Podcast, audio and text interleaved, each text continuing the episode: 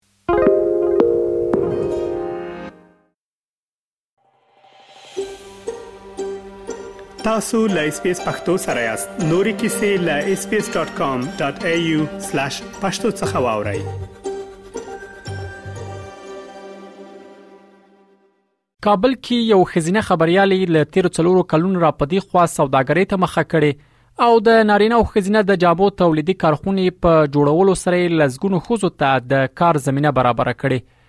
دغه خزینه خبرياله مرزي حفیظ نوميږي چې شاوخوا 12 کال یې کابل کې لوي خصوصي رسنۍ سره کار کړی دی مرمر مرزي حفیظي اوس په کابل کې د لورا برایټ په نوم د نارینه او خزینه کالو جوړولو د کارخونې مشره ده هغه کارخونه چې اوس د هغه خوځو ونجونو د پاره په پا روزنیز مرکز بدل شوی چې د طالبانو راتګ وړاندې دفتر ته د تګ لپاره د دې ډول تولیداتو ګټه پورته کوله میرمن مرزي حفیظي له اس بي اس رادیو سره په خبرو کې وویل چې په کارخونه کې لزګونه خزې ونجونې په بیلابلو برخو کې په دندو بوخت دي چې د کار کولو ترڅنګ زده کړې هم کوي هغه وویل په دغه کارخونه کې د خزینه او ترڅنګ نارینه هم کار کوي خو ډیره برخه یې میرمنې جوړوي کابو څلور یا څلور نیم کال کېږي چې د جامو ګندلو یا هم د افغاني جامو د ډیزاین په برخه کې مې مرکز جوړ کړی دا په دې مرکز کې هم خزي کار کوي هم نارینه کار کوي خو ډیره برخه په دومره موده کې ښځو جوړه کړې ده ځکه موږ د ښځو لپاره ډېرې روزنیزې برنامې درلودې یو ځل مو 25 میرمنو ته په مختلفو برخو کې زده کړې ورکړې چې هغوی اته میاشتې له موږ سره همکار وي او تر هغه وروسته فارغ شوې خپل ځانونو ته کار برابر کړ ځان ته کار جوړ کړ او یو څو کسان هم بیرته په خپل دفتر کې مو د کار کولو لپاره استخدام کړل مېرمن حفیظي وویل څو موده وړاندې د هغو مېرمنو او نجونو لپاره چې په افغانستان کې واک ته د طالبانو رسیدو وروسته خپل دندې لاس ور کړې وي د دې لپاره چې په خپل کورونو کې د روحي فشار لاندې رانشي په دغه کارخونه کې شپږ میاشتنی روزنیز کورس په لار واچو او د خیاطۍ د بیلابلو برخو ترڅنګ یې په مالی او اداري برخه کې ورته زده کړې ورکړي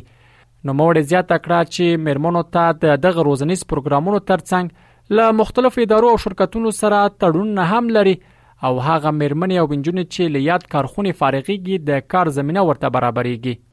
موږ هڅه وکړه چې د شپږو میاشتو لپاره یو روزنیز کورس برابر کړو چې په دې کورس کې مو یو سلو پنځلس کسان استخدام کړل او دومره تعداد کسانو ته موږ د خیاطي په مختلفو برخو کې زده کړې ورکولې لکه ګلدوزي خیاطي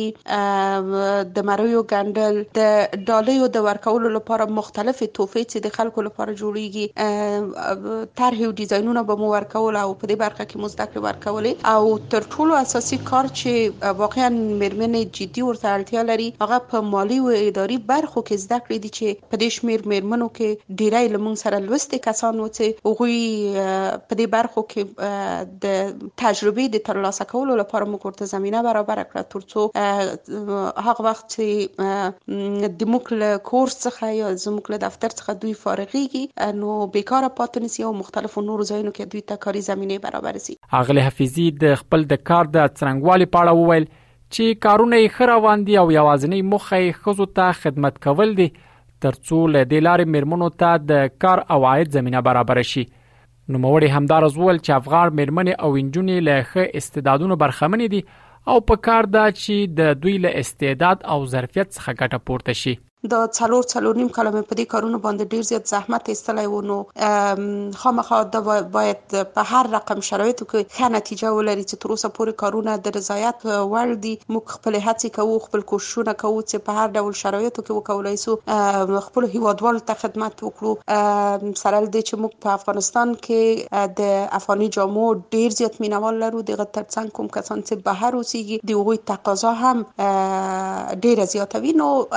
دغه په اساس مو کم تولید کوو هم فرمایشي جوړو او هم مختلف ډیزاینونه کوو چې په کې هم خپل کلچر او فرهنګ وساتو او هم ترڅنګ مو نړیوالو ته مو خپل اصلي پیژنګلوي ورخودلی ورته وخت کې یو شمیر انجنیر چې اوس په دې کارخونه کې کار کوي له اس بي اس رادیو سره په خبرو کې وویل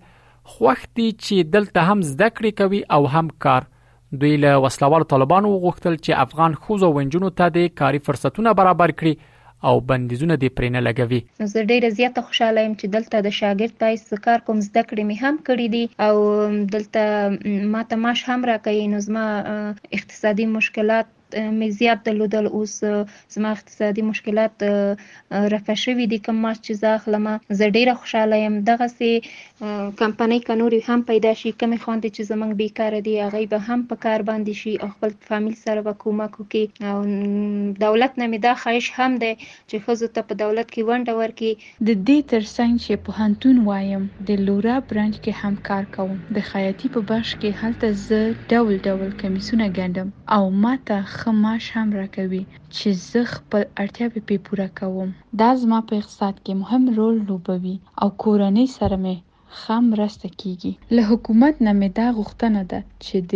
میرمنو لپاره کاري فرصتونه برابر کړي، بندیزونه پرې ونه لګوي. د یادونې ده وروسته تر هغه چې طالبانو د دوه زره یوویشتم کال د اګست په پنځلسمه کابل ونیو،